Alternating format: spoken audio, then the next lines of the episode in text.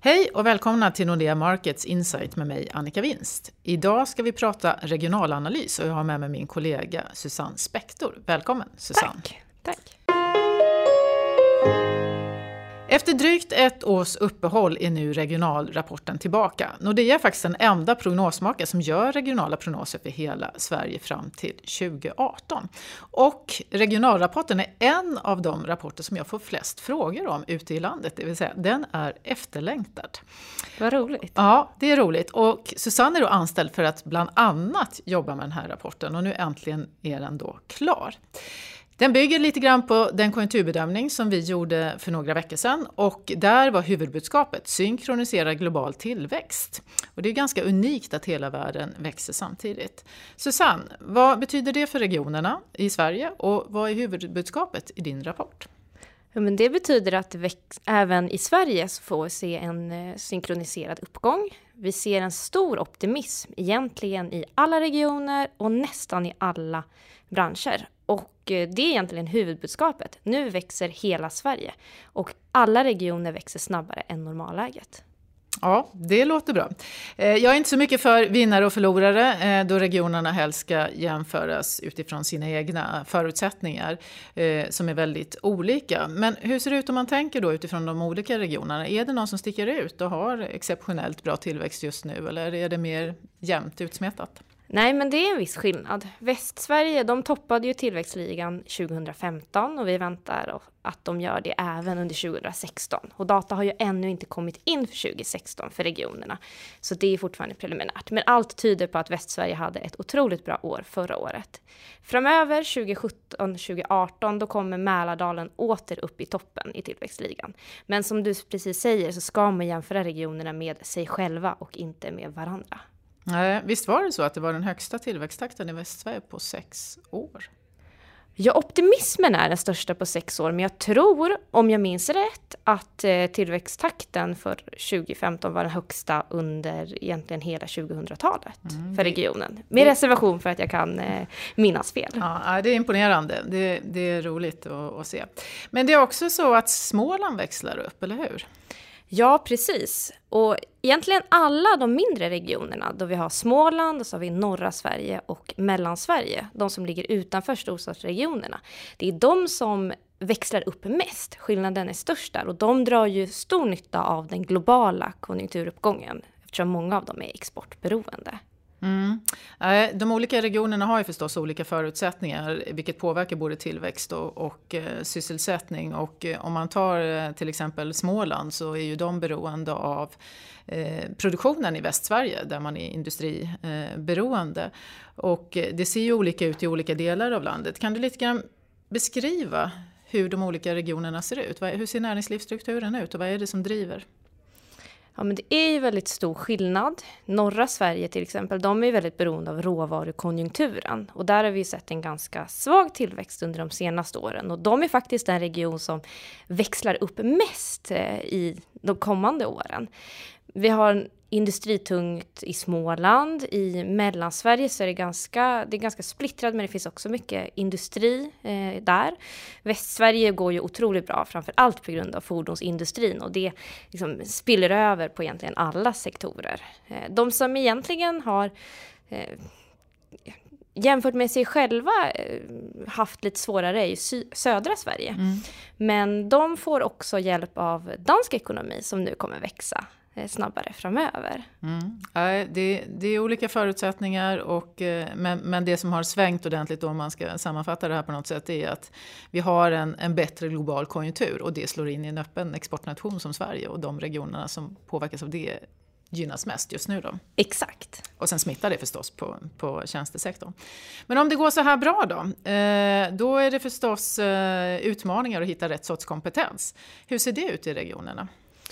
Ja, det är riktigt tufft. Det är ganska stor arbetskraftsbrist redan och till exempel en region som Småland som har haft egentligen en ganska långsam återhämtning. De har trots det redan arbetskraftsbrist. Och i Mellansverige, där skriker företagen efter kompetens och det finns eh, inte tillräckligt många att rekrytera. Utan det blir en stor utmaning framöver. Och där man sätter sitt hopp till i många mindre regioner, det är ju den eh, nyinflyttning eller den som har kommit med de nyanlända. Mm. Då behöver de också hjälp att komma in på arbetsmarknaden. Och tidigare har det varit så att många av de som har varit nyanlända har kunnat gå till industrin. Det är så det har sett ut historiskt i Sverige. Nu handlar det väl mer om att många av de människorna måste också komma in i tjänstesektorn och man behöver bredda eh, möjligheterna för dem att, att stiga in där. Ja, precis. Och jag tror att det är en väldigt stor... Just nu så är det en ganska stor missmatch på många ställen mellan liksom de jobben som finns och den kompetens som finns. Eh, så där tror jag att det behövs en hel del. Mm. Sen är det ju ändå så att många människor oroas ju samtidigt över att jobben försvinner. Vi har digitalisering och automatisering och vi har haft val i USA och Storbritannien där man lite grann har slagit bakut mot man, att man är orolig för att jobben är hotade och så vidare. Vad är ditt svar på det? Vi tittar lite närmare på det i ett tema i rapporten och där ser man att det har ju varit en stor strukturomvandling. Det har varit en jättesnabb förändring mot att allt fler har högre utbildning och allt fler av jobben kräver högkvalifikationer. Men trots det så har vi sett att eh, totala antalet jobb har ökat, sysselsättningsgraden, alltså andelen av befolkningen eh, som har ett jobb har ökat. Så att än så länge så verkar det som att det kommer ändå till fler jobb än som försvinner. Men för vissa speciella grupper kan det vara tufft. Och i, i Sverige så är det framförallt för personer som inte har gymnasieutbildning som det har blivit svårare mm. under så jobb kommer vi ha i framtiden men man kan behöva hjälp med att ta de här sprången, det vill säga förmodligen utbildning då för att Precis, komma rätt, precis. Där behöver vi definitivt hitta någonting som funkar bättre än idag. Ja, du hade ju en riktigt imponerande graf i rapporten eh, och rapporten finns förstås eh, på nätet, vi ska komma tillbaka till det. Men, men eh, som visar sysselsättningsgraden i svenska regioner när man jämför med EU. Kan du berätta? Ja, vi har tittat på hur det ser ut eh, för alla regioner i EU och då visar det sig att Sverige ligger på topp tre. Först har vi Stockholm. Wow. wow, precis. Först är det Stockholm och sen kommer Västsverige och sen kommer faktiskt Småland på en hedrande tredje plats. Men sex av åtta regioner i Sverige, de ligger på topp 10 och alla ligger eh, i det övre skiktet. Så det är otroligt imponerande för svensk arbetsmarknad. Det är det verkligen. Och det är märkligt att inte fler använder det här faktiskt. Man tänker att politikerna ute i landet, men också eh, rikspolitikerna, borde slå på stora trumman för det här. För det är galet eh, bra och starkt levererat av Sverige. Verkligen. Men utbildningsmässigt då, hur klarar sig de olika regionerna då? Ja, där ser vi att det finns en ganska stor skillnad mellan storstadsregionerna och och eh, de regioner som ligger en bit bort. Om man jämför hur jobbens kvalifikationskrav, hur de definieras av, av SCB, så det är inte liksom vad, vad, den som anställer vill ha, så ser vi att det är fortfarande fler jobb som hög, kräver högre kvalifikationer än vad det finns högutbildade sysselsatta. Och störst är skillnaden mellan Sverige och Småland.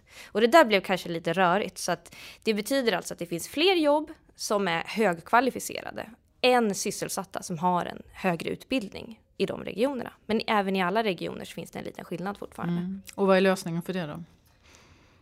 Ja, en lösning är ju att man har fler skaffar sig en högre utbildning. Men tittar vi historiskt så har ju underutbildning eh, funnits eh, i alla tider. Eh, så att någonstans så verkar det som att det är, man har bytt, i takt med att fler har högre utbildning så är det fler Eh, form, de formella meriterna tar större plats. Eh, så att man skulle kunna tänka sig att man kan lära på jobbet. Eh, och jag tror också om man tittar på till exempel mellan Sverige där skillnaden är som störst, att där gör man lite så. Man tar in någon som man kan lära upp när det inte finns tillräckligt många med rätt kompetens. Nej.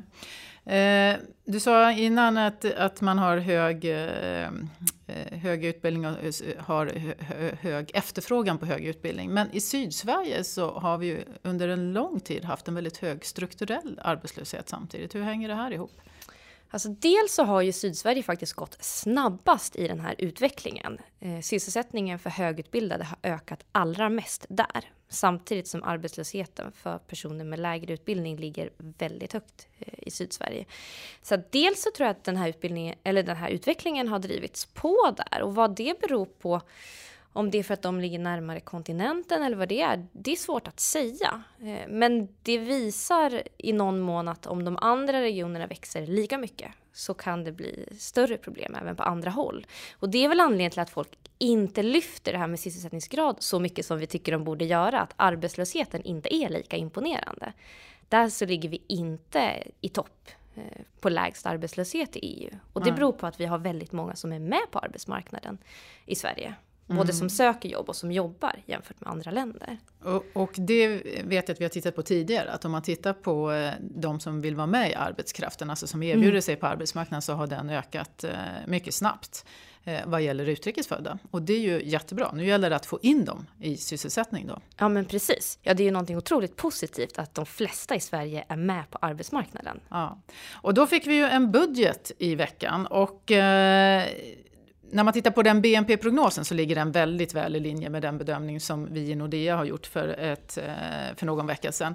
Och det är ingenting som, som sticker ut eller överraskar. Men det som jag blir lite orolig för, det är att man pratar väldigt lite om integrationen i budgeten. Och det är en av våra viktigaste utmaningar i Sverige. Och jag har stor respekt för att man nu lägger fokus på polis och militär med tanke på vad vi varit igenom och det är en del. Men det löser ju inte grundproblemet. Vi måste ju få in människor eh, på arbetsmarknaden oavsett oavsett om de är högutbildade eller har väldigt låg utbildning.